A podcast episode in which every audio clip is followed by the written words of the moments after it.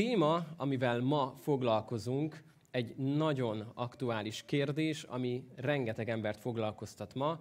Röviden megfogalmazva, velősen, itt a világ vége. Nem tudom, hogy téged is foglalkoztatott ez mostanában, hogy itt a világ vége? Mi lesz most? Te jó világ, most járványok, gazdasági válság, háború, nem tudjuk még mi jön, milyen krízis előtt vagyunk éppen, mert minden kutatás, minden előremutatás nagyon rossz képet fest a klímáról, a felmelegedésről, vízhiányról. Itt a világ vége. És ha itt van, akkor pánikoljunk, akkor mindennek, akkor minden rossz, legyünk depressziósak, és, és várjuk azt, hogy jaj, minden egyre rosszabb lesz, és ez van. Vagy hogy gondolkodik Isten a világ végéről? Szeretném, hogy ezt tudnánk ma megnézni, és ehhez fogunk egy néhány igeverset is nézni. Először kérlek, hogy keresétek ki velem a Lukács evangéliumának a 12. fejezetét, onnan fogunk igéket nézni. A Bibliámat én itt hagytam. Lukács evangéliumának a 12.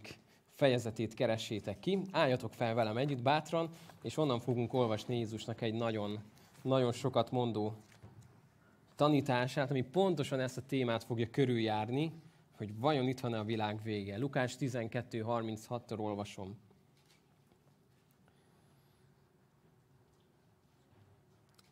Legyen derakatok felövezve, lámpásotok meggyújtva azokhoz hasonlóan, akik urukat várják, mikor jön meg a menyegzőről, hogy amikor megérkezik és zörget, azonnal ajtót nyissanak neki.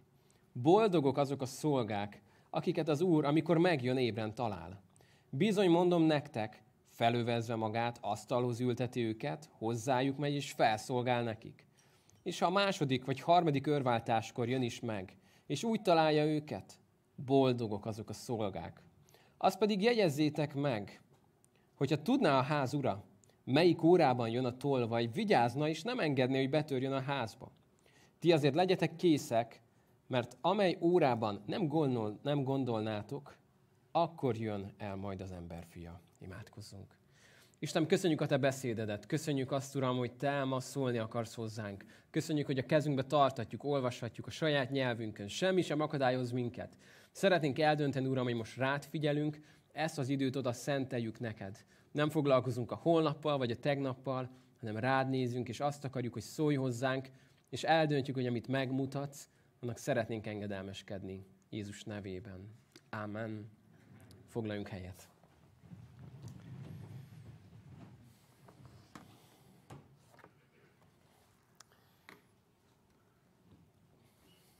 Van itt egy rajz, nem tudom mennyire látszik, ez egy ilyen kis rajztábla. Bálint, mi ez szerinted? Margit mondta, hogy Köszönöm. Na, felismerhető, megrettentem, hogy nem lesz felismerhető a rajzom. Készítettem egy rajzot, gyerekeknek is kell készíteni rajzot arról, hogy Jézus itt van és visszajön. Aztán eszembe jutott, hogy lovon jön vissza, úgyhogy ezt már csak mellé rajzoltam, mert nem tudok lórembert rajzolni. De amit szeretnék mutatni ezzel a kis egyszerű rajztáblával, ez egy zseniális dolog, annyi a lényege, Pepkóba lehet kapni, kis reklám, rajzol rá gyerek, és van rajta egy gomb, amit ha megnyomsz, mi fog történni? Minden eltűnik. Figyelj, mi fog történni, nem tudom, mennyire látjátok, megnyomom a gombot, és a gyönyörű rajzom egyszer mindenkorra oda lett. Miért mutatom ezt a képet? Azért, mert Jézus, amikor az örökkévalóságról beszél, a visszajöveteléről beszél, akkor nagyon sokszor úgy beszél róla, hogy szeretne nekünk valamit nagyon mélyen elmagyarázni. Nekünk, akik így élünk a Földön, hogy az életünk 24 órája a Földről szól, és néha eszünkbe jut, hogy amúgy van örök élet, és van mennyország, meg ilyen dolgok, de most ami sokkal fontosabb, hogy kiszámoljam a rezsi kalkulátorról, hogy mennyit kell majd fizessem a köbméterét a gáznak, meg hogy lesz, és most az a lényeg, hogy aggódjak, meg féljek, meg mi lesz velem, és hogy fogom-e tudni locsolni a füvet az udvaron, tehát hogy lekötnek a napi teendőink, és aztán még nem is beszéltünk arról, hogy, hogy megvalósítani magunkat, munkahely, családalapítás, annyi mindennel foglalkozunk. És képzeld el, hogy mindaz, amit itt a Földön teszünk, minden, amit itt, itt amivel nagyon el vagyunk foglalva, az olyan, mintha írnál erre a táblára. És minden, és hogy milyen a kocsid, milyen a telefonod, betörte a kijelzője, vagy nem, a drága cipőd van, vagy egy hamisítvány, vagy már az is szétszakadt, ismert ember vagy, vagy nem, influencer vagy, vagy nem, jobb a nem tudom, ablakod, mint a szomszédnak, vagy nem. Annyi minden kötne minket le. És Jézus újra és újra elmondja nekünk, hogy drága gyermekeim, szeretném, ha megértenétek valamit. Amikor én visszajövök hozzátok, akkor, akkor lesz egy ilyen. Hogy minden az, ami itt a Földön volt, és ami valamikor annyira értékes volt, és annyira sokat foglalkoztunk vele, egy gomnyomásra el fog tűnni. Nem a következménye, mert az megmarad, arra visszatérünk, de minden, amit itt a Földön felépítünk, amit nekünk annyira fontosnak tűnik, ami, ami, ami veszekedni tudnánk, vitatkozni tudnánk, hogy így vagy úgy legyen, hogy hogy állítsuk be, hogy hogy legyen a családunkban, a gyülekezetben. Gondolj bele, hogy minek lesz értelme az örökkévalóság szempontjából. Mi lesz az, amikor, ha megnyomod a gombot, még mindig ott marad. Mert Jézus arról beszél, na ezt már nem tudom bemutatni, hogy van egy másik íróeszköze. Van ez az egyszerű, amivel a föld életet írjuk. Ennek az a hátrány, hogy amikor megnyomom a gombot, amit ezzel írtam, az eltűnik. De Jézus azt mondja, hogy van egy másik íróeszköz, amit tőle lehet elkérni. Amiben az a különlegesség, hogy amit írsz vele, és megnyomják a gombot, nem fog eltűnni. Jézus ezt úgy magyarázta el, hogy ne gyűjtsetek magatoknak kincseket a földön, ahol a tolvajok megtalálják, ellopják, kiássák, ahol a rozsda megemészti, hanem gyűjtsetek magatoknak kincseket a mennyben, ami megmarad. Ahol nincsenek tolvajok, nincsen rozsda, nincsen infláció, nincsen semmi. Mert ahol a kincsed van, ott lesz a te szíved is.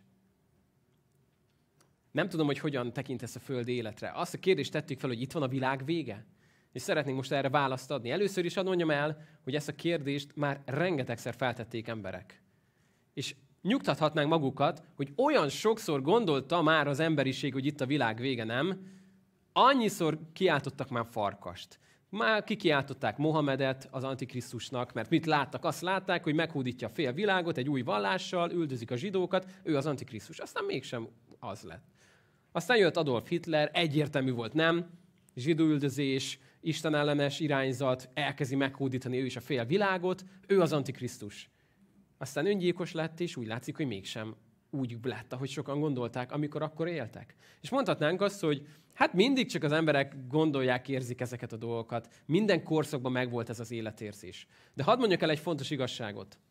Valamikor tényleg lesz világvége. Ezt azért jó megértsük, nem? Attól, hogy voltak már sokan, akik azt gondolták, hogy most van, és nem volt igazuk, mert, mert elteltek azóta száz évek, attól még egyszer tényleg lesz világvége. Tényleg meg fog történni az, amit Jézus megígért, hogy be fog következni. És Jézus arról beszélt, hogy akkor ő eljön felhőkön. Meglátja majd minden szem. Arról beszél, hogy magához vonzza azokat, akik az övéi. Majd arról beszél, hogy lesznek akkor ketten egy ágyban, az egyik elvétetik, a másik ott hagyatik. Ketten őrölnek a búzát, az egyik elvétetik, a másik ott hagyatik. Ott nem lesz dialógus az Istennel, nem fogod tudni meggyőzni. Aki hozzá tartozik, és akinek a szíve az övé, az megy. Aki nem, az marad. És azt mondja Jézus, hogy lesz egy nap, amikor ez meg fog történni. És habár sokan már kikiáltották sok száz évvel ezelőtt, hogy most van ez az időszak, Jézus mégis azt mondta, hogy lesznek ennek azért jelei. Hadd hozok egy egyszerű párhuzamot, jó? Egy áldott állapotban levő édesanyát, jó? Direkt nem azt mondtam, hogy terhes. Áldott állapotban levő édesanyja, jó? Lehet, hogy ő terhesnek érzi ezt, de, de nézzünk meg, milyen az, amikor valaki áldott állapotban van. Vannak annak jelei? Kérdezem az édesapákat, férfiakat. Vannak jelei annak, hogy a felesége terhes? Nagyon, nagyon lapítanak, mert szeretnének ebédelni. Nagyon sok jele van annak, mikor a feleséget terhes. Nem is tudom, hogy minek kell az a terhességi teszt, tökéletesen lehet tudni. Csak egy néhányat soroljak fel, jó? Tehát van az első jele, ami a leglátványosabb, de a legveszélyesebb. Amikor azt látod, hogy egy, egy édesanyának elkezd növekedni a pocakja. Na most nagyon-nagyon kellemetlen helyzetekbe tudsz kerülni, ha csak ezt az egy jelet figyeled, és odamész egy hölgyhöz, akinek az érte, önértékelése amúgy is a béka feneke alatt van, és megkérdezett tőle, hogy te jó ég, te akkor most babát vársz? És jön a hihetetlen kínos válasz, hogy nem. Hát ezek után nem tudom, mit tudsz szerintem elmenekülni, de ez az egyik jele. De nem a, ez, ez még nem kizáró, nem? Tehát, hogy, hogy ha mindenkinek babája lenne, akinek nagy a pocakja, akkor nagyon sok édesapa is, ugye? Az édesanyával együtt gyermeket hordana a szíve alatt, de ez nem így van. Tehát az egy jel a sok közül egy. Milyen jelei vannak még? Vannak sokkal belsőségesebb jelei. Óvatosan mondom, csak mert én is szeretnék ebédelni, érzelmi hullámvölgyek, ingadozások, hormonháztartási zavar, éjszaka kellős közepén meg is sajtburger megkívánása. És annyi minden más, sírás, zokogás, magyarázat nélkül, illatok, amik, amik vagy nagyon bosszantanak, vagy eddig bosszantottak, most nem. Nem bírom meginni a kávét. Annyi minden van. Érzékenység, hiperérzékenység, hiperszenzitivitás, mit tudnék mondani? Annyi minden jele van, amikor valaki benne van egy ilyen élethelyzetben. És lehet, hogy egyet el tudnál nézni, mondjuk, hogy valaki, nem tudom, érzelmileg ingadozik, az nem biztos, hogy terhes. Lehet, hogy azt mondanád, hogy attól, hogy megkívánsz este egy sajtburgert, még nem lesz este terhes.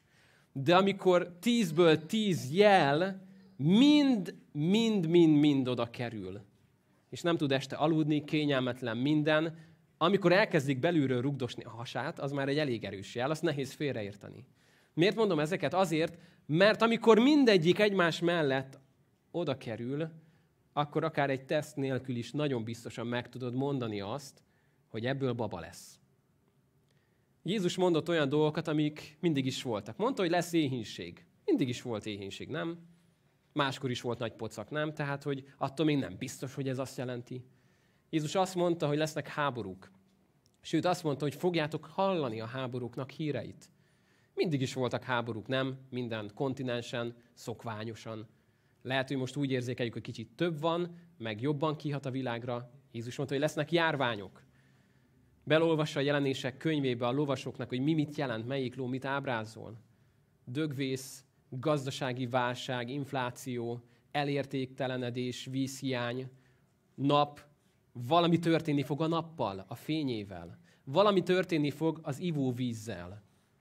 És amikor azt látod, hogy amit Jézus előre vetített, hogy milyen tünetei lesznek annak, ha terhes lesz a föld, és azt látod, hogy ebből nem csak egy van meg időnként, hanem mindegyik, és a pocakja nem pici, hanem egyre nagyobb.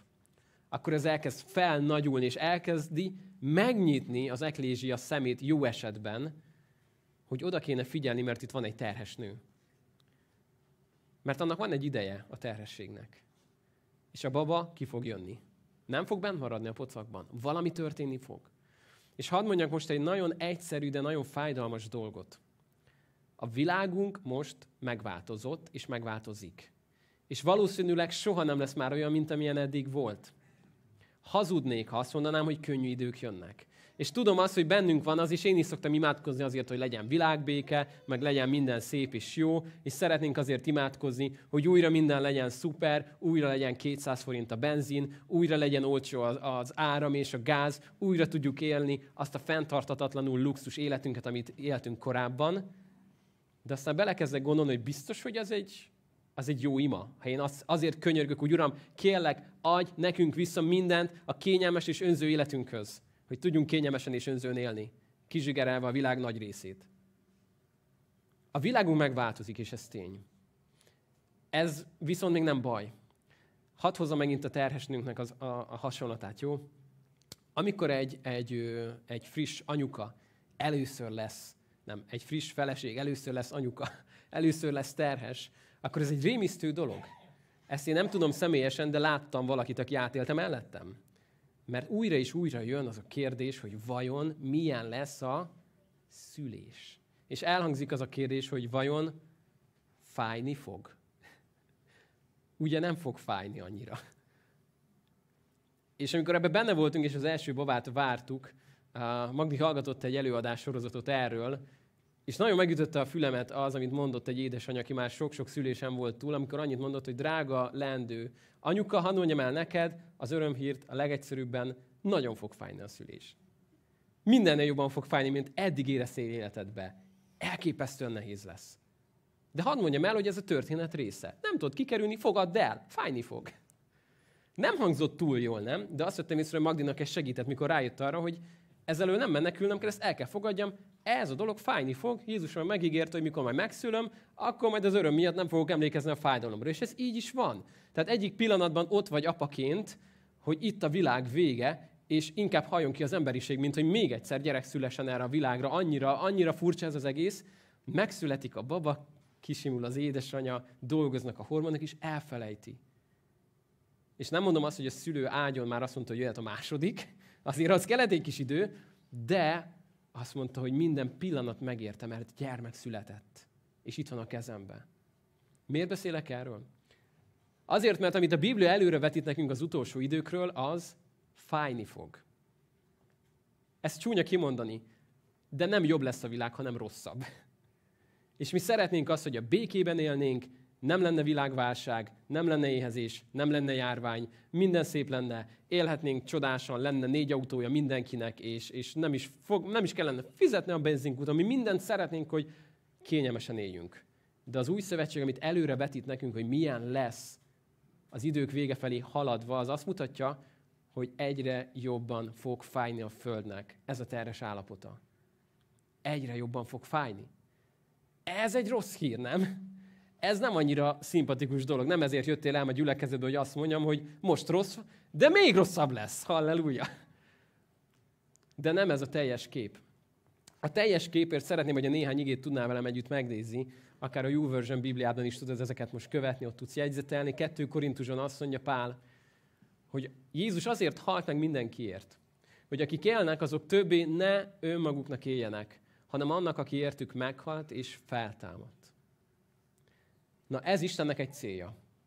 Ez Istennek egy célja a gyülekezettel, és minden hívő emberrel, hogy te ne önmagadért élj, hanem annak élj, aki érted meghalt és feltámadt. Mert tudja tökéletesen azt, hogy mindaz, amit önmagadért teszel, amit az egódért teszel, amit a saját kis királyságodért teszel, az gomnyomásra fog eltűnni, és semmi nyoma nem marad. És ezért azt mondja, hogy vedd elő azt a másik író eszközt, amit az én országomért teszel, az én királyságomért teszel, mert az meg fog maradni örök életre. És ezért azt szeretném, mondja az Isten, hogy ne önmagatoknak éljetek, hanem annak az egynek, aki értetek meghalt és feltámadt.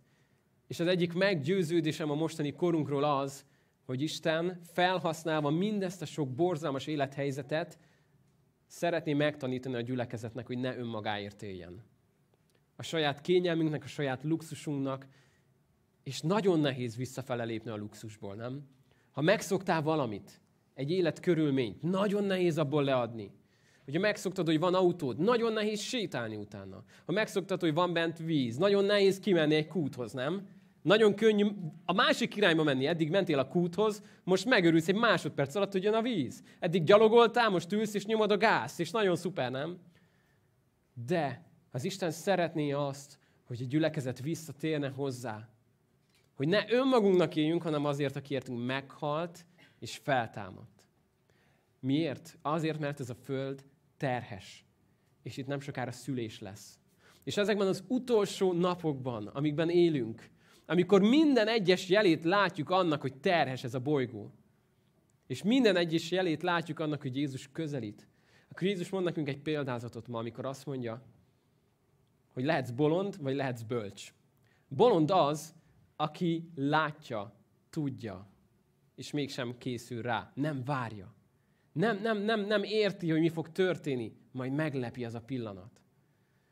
Képzeld el, hogy a, a, elmennék hozzád, beállítanék hozzád, adnék egy nagy ládát, lenne benne csirkemel, lenne benne mindenféle, nem tudom, olaj, liszt, tojás, és annyit kérnék tőled, hogy uh, én most elmegyek, este jövök, annyit kérek csak tőled, hogy készíts nekem nagyon finom, hát micsodát, nyilván egyértelmű, mit lehet ebből csinálni?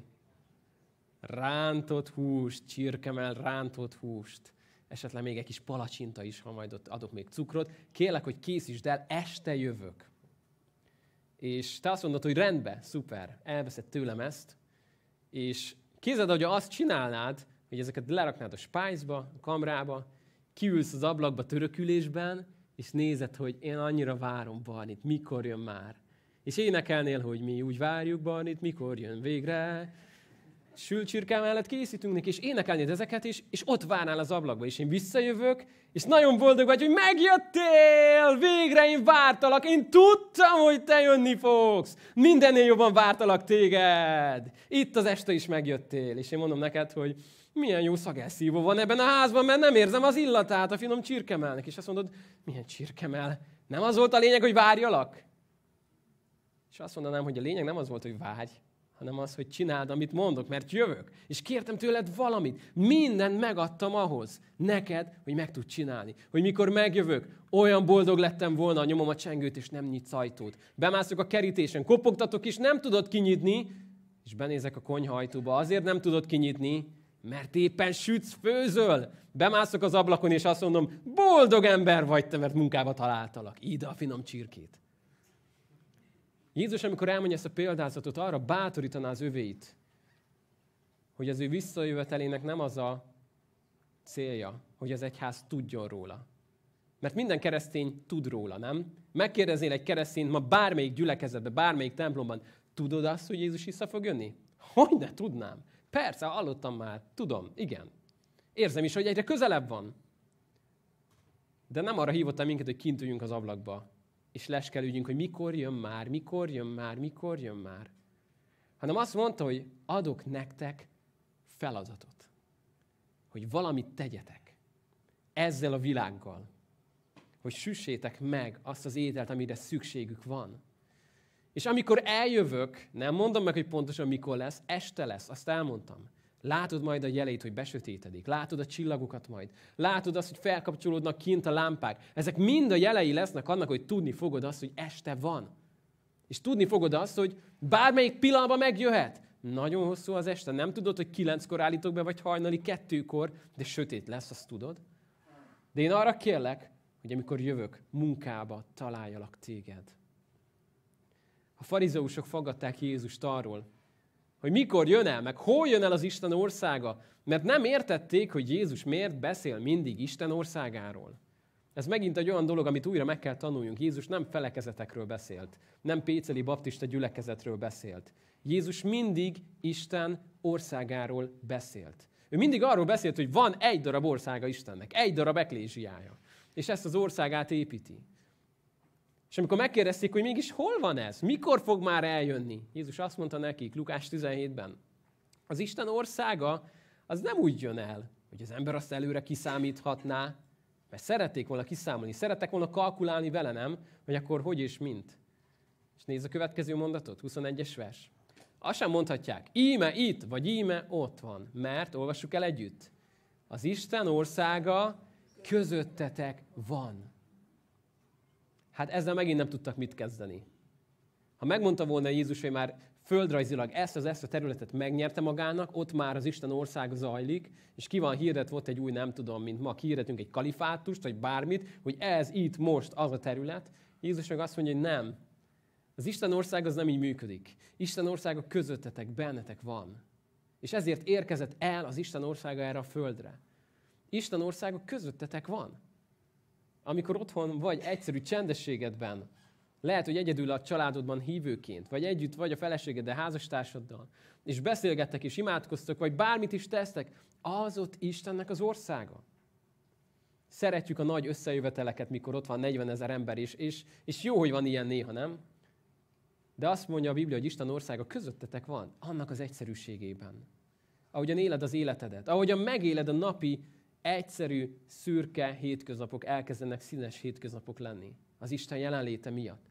Mert ő mindent megadott neked ahhoz, hogy úgy várd őt, hogy közben tudsz sütni, főzni. És tudod, egy érdekes dolog, hogyha megkérnélek téged arra, hogy várj engem, majd este jövök. És azt kérném, hogy üljön le a kanapé közepére, és várj. És ez egy üres szoba lenne. Mi történne veled hamarosan? Igen, én és Margit, most már megtudtuk, mi ketten, biztos, hogy elaludnánk, nem? Biztos, hogy elaludnék. Nincs olyan élethelyzet és olyan testtartás, amiben ne tudnánk elaludni. Ezért, hogyha azt mondaná valaki, hogy üljek le és várjak, akkor leülök, várok, és el fogok aludni. Ha viszont a konyhában vagyok, dolgozok, sütök, vágok, mosogatok, úgy még soha nem aludtam el. Ezt megígérhetem, hogy úgy nem is fogok elaludni. mert le vagy foglalva, csinálod azt, ami a dolgod, nem? A legtöbb probléma keresztényekkel és az életünkkel mindig akkor, amikor unatkozunk, amikor időnk van. Akkor szoktunk megsértődni, mert van időnk rá, nem? Akkor szoktunk nagyon mélyen magunkra menni dolgokat, mert van idő arra, hogy nagyon sokat gondolkodjak magamról. Akkor van arra idő, hogy magam körül forgok. Amikor, amikor pesdül az életed, és benne vagy az Isten országában, a munkájában, és csinálod, csinálod, csinálod, és valaki oda megy, hogy figyelj, múlt héten nagyon megbántottalak. Mi? Mit mondtál? Nem is emlékszek. Ú, figyelj, tényleg nem is jutott eszembe. Áldja meg téged, és nincs harag, de hogy is. Mert benne vagy, mert csinálod, mert, mert pörög minden, aminek kell. És azt mondja az Isten, hogy ő szeretné így megtalálni az ő egyházát, amikor visszajön. Nem az ablakban ülve. Néha kinézhetsz az ablakból, hogy látod, hú, este van, hú, ha húzzunk bele, mert még itt van négy kiló. De nem az a célja a várakozásunknak, hogy várakozzunk. A várakozásunk célja az, hogy tegyük azt, amire Isten megkért, hogy tegyük. És van egy furcsa dolog ma. Azt mondja a zsidókhoz írt levél, amikor ő is arról beszél, hogy mi jön még, mi jön később az, az utolsó időkben, azt mondja, ügyeljetek arra, ez fontos, nem? Amikor azt mondja, valamire ügyelnünk kell. Ügyeljetek arra, hogy senki se hajoljon el Isten kegyelmétől, hogy a keserűség gyökere felnövekedve kárt ne okozzon, és sokakat meg ne fertőzzön. Azt mondja itt a Biblia, hogy van valami, amire nagyon vigyáznunk kell, mert ha megtörténik, apró gyökérből felnő, és sok embert meg tud fertőzni. És ez a keserűségnek a gyökere az életünkben. Nagyon vigyázunk kell ma erre. Mert amikor körülnézünk, akkor tudnánk sopánkodó kurzusokat tartani, és órákon keresztül panaszkodni, hogy milyen rossz ez a világ. Mennyire rossz irányba megy ez, mennyire rossz irányba megy az, mennyire rossz ez, az éghajlat, a politika, a válság, a háború, és tudnánk egész nap ezen gondolkodni. És tudod, mi benne az érdekes? Hogy ez a keserűség ez, mit mond róla a Biblia, milyen? Fertőző. Fertőző. Voltam már olyan beszélgetésben, hogy volt, volt egy téma, igazából nem annyira foglalkoztatott téged, észre se vetted, és valaki elkezdte mondani, hogy ez mennyire rossz. Ez mennyire, hogy, hogy, hogy lehet ez így, ez mennyire botrányos, miért nem tesznek már semmit, és azt vetted észre magadban, hogy így, igen, igen, most, hogy mondod, igazad van. Hát eddig ebbe bele se gondoltam. Hát tényleg, miért nem tesznek ezzel semmit? És zseniális ezt kívülről hallgatni, nem? hogy azt látod, hogy ott ül valaki, akinek a világon eddig semmi baja nem volt, eszében nem jutott volna ez a dolog, és két perc múlva ő megy, és mondja egy másiknak, te észrevetted már, hogy ez itt, és hogy ez miért nem teszik valamit, és hogy, és hogy. A keserűség az mindig fertőz. Sokkal jobban, mint bármilyen Covid hullám. Elképesztő gyorsan terjed. De tudsz neki nemet mondani, és mindjárt megnézzük, hogy hogyan, de hadd mutassak nektek ez valamit. Hoztam egy pár eszközt, ami most a segítségemre lesz ebben itt van két kis öngyújtó, amik, amik nyilván úgy működnek, hogy lenyomom, és hát nem nagyon fogjátok látni, de talán itt elő látjátok, meg halljátok, hogy, hogy lenyomom, és akkor ugye jön a láng, teszi a dolgát, lehet használni. Um, elkérhetem Bálint azt a kis üveget ott a lábadnál? Azt, azt köszönöm. Mi történik akkor, amikor fogunk egy, egy öngyújtót, és beleteszem most ebbe, és elkezdenek vele történni olyan dolgok, amik, amik rossz hatással vannak rá. Mondjuk jön egy Covid hullám.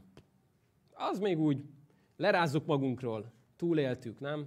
Azt gondoltuk, egy hónapig tart, tartott néhány évig, nem baj, menjünk tovább. Jön egy háború, ami megint egy kicsit szívünkön visel, és azt gondoljuk, hogy ez minket mindig majd csak messziről fog érinteni, aztán ez begyűrűzik, mindenféle válság, aztán lesz 500 forint a benzin, lesz 1000, majd 1500, vagy nem tudom mi. Aztán jönnek mindenféle válságok, nincsen vízünk, nem tudunk már öntözni, lehet, hogy már inni sem a vége fele, és azt gondoljuk, hogy ez már, már nem mehet, ez már nem lehet rosszabb. De kicsit úgy érezzük magunkat, mint hogy ott lettél volna Egyiptomon a tíz csapásnál, a második csapásnál valaki megkérdezi, hogy ez, a, ez hanyadik volt a tíz csapásból? És így ránézel, hogy miből? Tíz? Tíz csapás? Azt hittük, hogy ez ennyi és vége. És lehet most valaki megkérdezni a jövőből visszautazva, hogy, hogy túl vagytok már, vagy ez még, csak, ez még a 32-ből még hanyasnál jártok? És így néznénk, hogy ne, ne, ne bosszanj. És már azt gondoltuk, hogy végre visszakapjuk a rendes életünket, nem? és újra élhetjük azt az önző, magunk körül forgó életet, amit mi, amiről vágyunk, amiről álmodozunk, és csak jönnek, jönnek, jönnek ezek a borzalmak. És amikor mindezen át megyünk, akkor egy érdekes dolog történik. Azt fogod látni, hogy elveszíti a fényét. Nyomod, és már nem jön belőle semmi. Mert csomó minden olyan történt vele, ami, ami rossz hatással volt rá. Nevezzük ezt keserűségnek, nevezzük ezt sok mindennek, ami, ami az embert meg tudja fertőzni, és bejön egy olyan élethelyzet, hogy nem, nem tudsz ezen változtatni. Hiába nyomkodod már, semmi nem történik. Mit kell ilyenkor tenni? Hadd hozzak egy igeverset. Ugyancsak a zsidókhoz írt levélből, amikor arról beszél, hogy hogyan tudod, hogyan tudod ezt megelőzni, és hogyan tudod ezt kezelni. Olvassuk el együtt. Ezért tehát a lankat, kezeket és a megroskat térdeket erősítsétek meg. Szóval azt mondja itt a levél szerzője, azt mondja a Biblia, hogy van olyan, hogy néha megroskad egy térd, van olyan, hogy meglankad egy kéz. Mit kell olyankor csinálni? Kidobni? Fogyatékos hívő ember elrontotta? Bűnben él? Hú, mit csinált ez? Van egy érdekes mondás, azt mondja, hogy a kereszténység az egyetlen hadsereg, ami megöli a sebesültjeit. Valakivel beszélgettünk erről, és ezt a példát mondta nekem, hogy olyan néha a gyülekezet, mint egy olyan kórház, ahol csak amputációt tudnak végezni. És bemész, hogy a kislábújad, mint hogyha egy kicsit olyan zsibbanna. Most semmi baj, levágjuk tőből, combból. Ahhoz értünk. Bemész, hogy, hogy lehorzsoltad a térdedet, és kellene rá valami kötszet. Semmi gond, megoldjuk. Hívják Bélát. Béla már fűrésze. És mint ugye néha csak ennyit tudnánk tenni, hogyha valaki elrontja, ha valaki elbukik, hogyha valaki mélyre került, és, és maga alá gyűrte ez az egész élethelyzet, akkor hát így járt, elbukott. Hajótörés szenvedett a hit dolgában, így járt. Azt mondja a zsidókhoz írt levél, hogy ha van közöttetek roskat, ha van közöttetek lankat, akkor azt erősítsétek meg. És nézd, mi fog történni. Aminek már nincsen saját fénye jön, és néznek, hogy visszanyeri utána. Azért, mert van valaki, aki odáll mellé, és azt mondja, hogy figyelj, most tudom, hogy te össze vagy omolva. Látom azt, hogy most neked ez, ez most valami nem jó. Egy nehéz élethelyzetben vagy. Hadd jöjjek oda melléd azért, hogy segítsek rajtad. És hadd mutassam, hogy mit nem csinált az öngyújtó. Szóval itt van az elromlott öngyújtónk. Kettes öngyújtó nem azért jött ide, hogy közelről nézhesse, és láthassa, vádolhassa, és gúnyolhassa. Hát ez nagyon rossz, nem? Hát én még emlékszem, mikor te világítottál. Hát ezt jól elrontottad. Én mondtam, hogy vigyázz a vízzel, te nem vigyáztál. Én megmondtam neked. Nem azért jön ide. Nem azért jön ide, hogy, hogy elmondja, hogy megmondtam. Nem azért jön ide, hogy az óra alá dörgölje. Nem azért jön oda, hogy elítélje. Nem azért jön oda, hogy egy hibás öngyújtó mellett büszkébb lehessen magára. Nem azért jön oda, hogy a másik hibája őt fehérebbé tegye hanem azért jön oda, hogy azt mondja, hogy figyelj, nekem van, nekem most megvan az, ami neked nincs, ami most belőled kihunyt. Segíthetek? Nem itt foglak megpörkölni alul. Nem arra fogom használni a tüzet. Arra fogok csak neked segíteni, hogy, hogy újra lángra lobbanjon az benned, ami most elaludt. És aztán még mond valamit a Biblia. A folytatásban azt mondja, egyenes ösvényen járjatok hogy a sánta meg ne botoljon, hanem inkább meggyógyuljon. Azt mondja a Biblia, hogy a sántának meg kéne gyógyulnia, nem? Nem megbotolnia, hanem meggyógyulnia. Ehhez viszont kell egy egyenes ösvény. Hogy nem tekervényes, meg huncut, meg zsivány keresztény vagyok, hanem egyenesen járok az Isten előtt. És figyeld a következő mondatot. Törekedjetek mindenki iránt a békességre és a szent életre, és olvasd velem együtt, mert egyedül ki sem merem olvasni amely nélkül senki sem látja meg az Urat. Hűha, nem? Ez elég komolyan hangzik. És akkor ilyenkor mondhatnánk, hogy hát nyilván a Biblia ezt nem így érti, meg, meg itt az ki lehetne magyarázni ezeket a nehéz igéket. Szerintem a Biblia úgy érti, ahogy érti magát. A Biblia úgy érti, ahogy érti magát. Hogy elhívott Isten minket arra, hogy az ő jelenlétében éljünk, hogy az ő szentségében legyünk. És Pál elmondja az egy Korintusban, hogy tudod, hogy mi a mi megszentelődésünk? Tudod, mi a mi megszentelődésünk? A mi megszentelődésünk egy személy. Azt mondja, hogy Krisztus adatot nekünk megszentelődésé. Ő a mi megszentelődésünk. Benne élve tudsz szent lenni. Sehogy máshogy nem tudod ezt megtenni. Benne tudsz csak az övé lenni, és az ő tulajdona lenni. Ezért mondja Jézus azt, maradjatok én bennem, és az én beszédeim maradjanak ti bennetek. Ha nem maradtok én bennem, akkor nélkülem semmit sem tudtok tenni. És Jézus ennyit mond a mai egyháznak. Maradj én bennem. Ehhez néha annyi kell, hogy ki kell jönni onnan, ahol éppen benne vagy. Hogy benne tudj maradni abban, akiben benne kell legyél. Gyere Jézushoz. Lehet, hogy most neked arra van szükséged, hogy gyere vissza Jézushoz.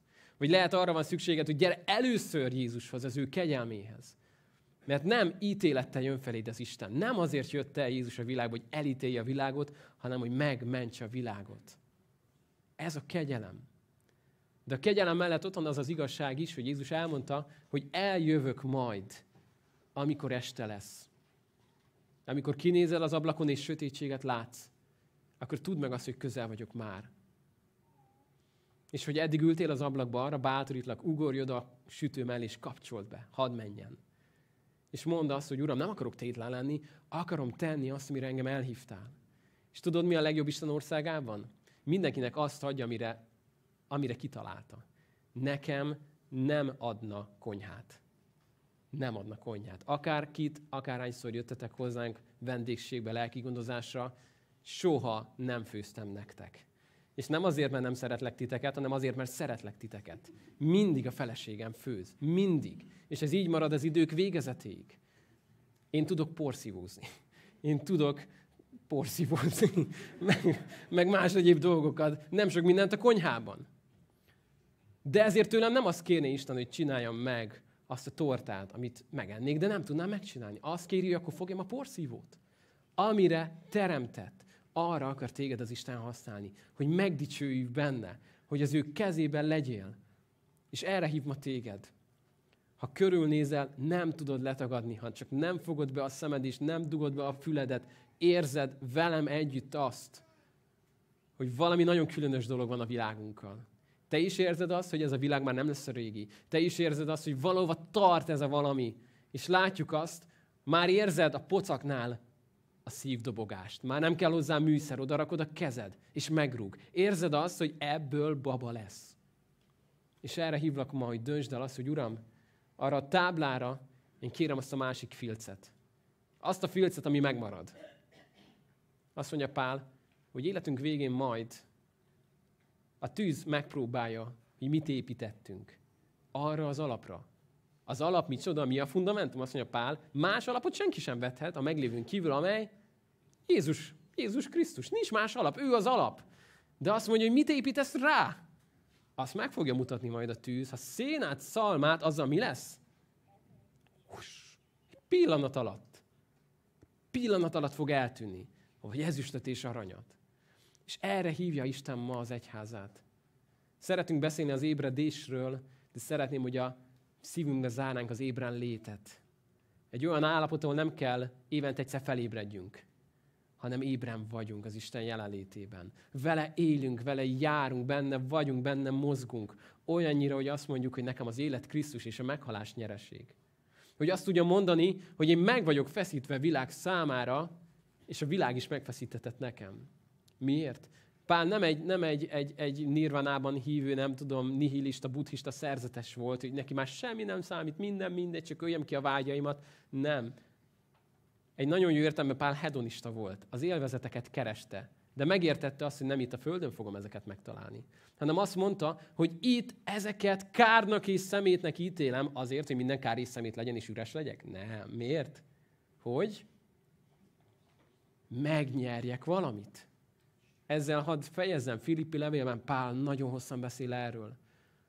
Hogyha valamivel dicsekedhetne ezen a földön, ha az író tábláját megnézted volna Pálnak, olyan szép lovat rajzolt.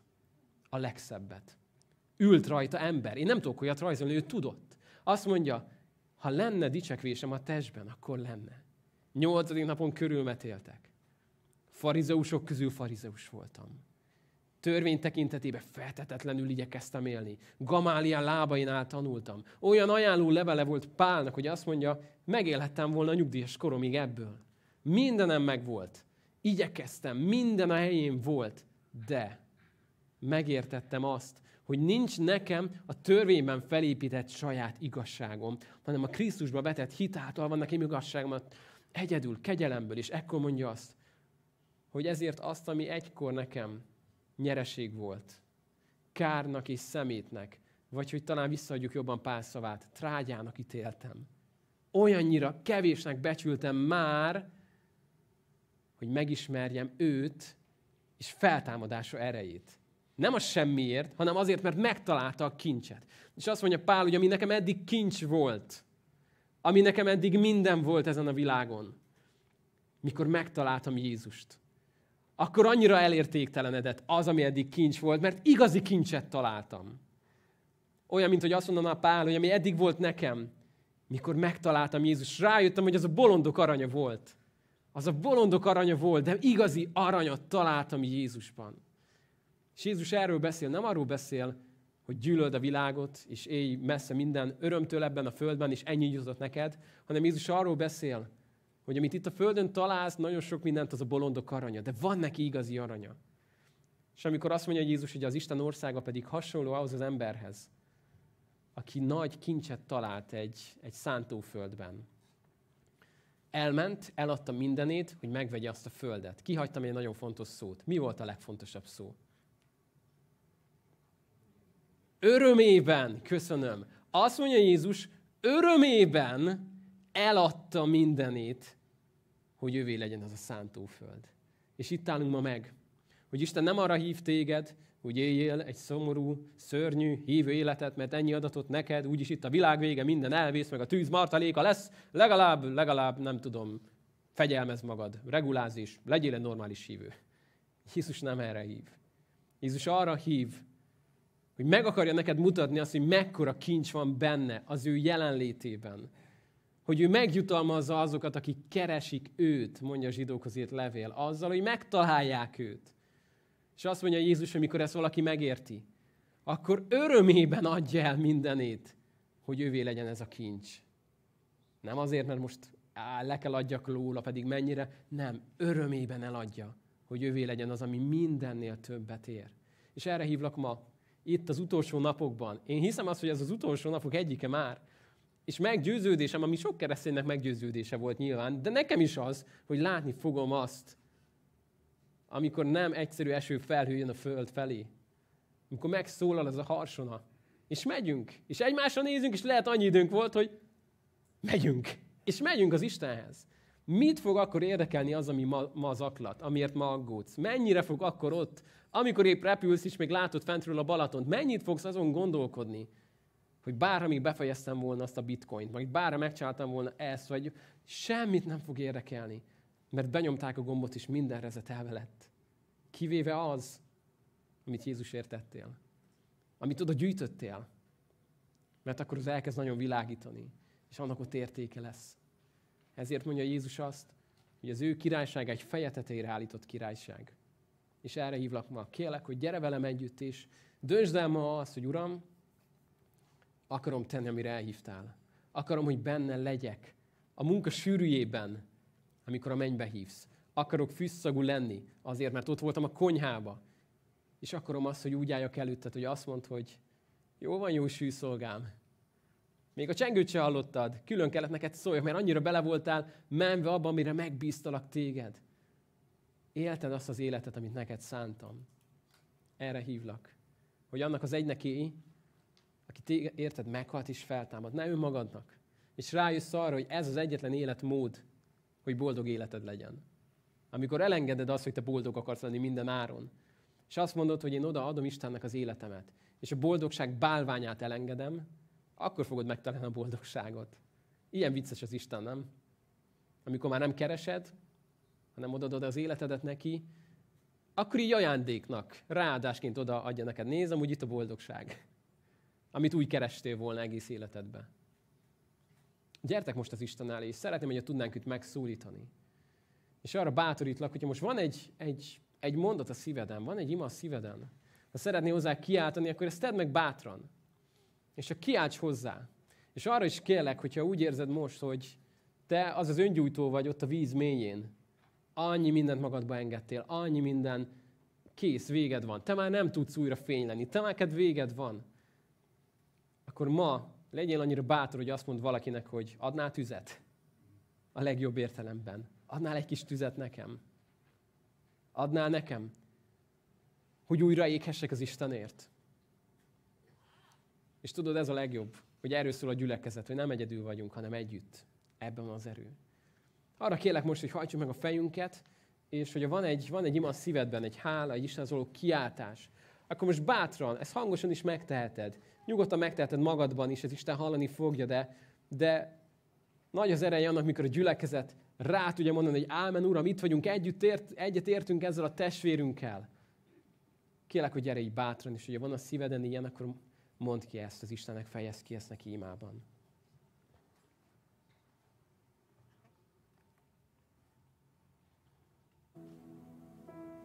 Áldunk téged azért, mert te vagy a jó Isten. Köszönjük azt, hogy megértetjük azt, hogy egyetlen szükségünk ezen a földön rád van.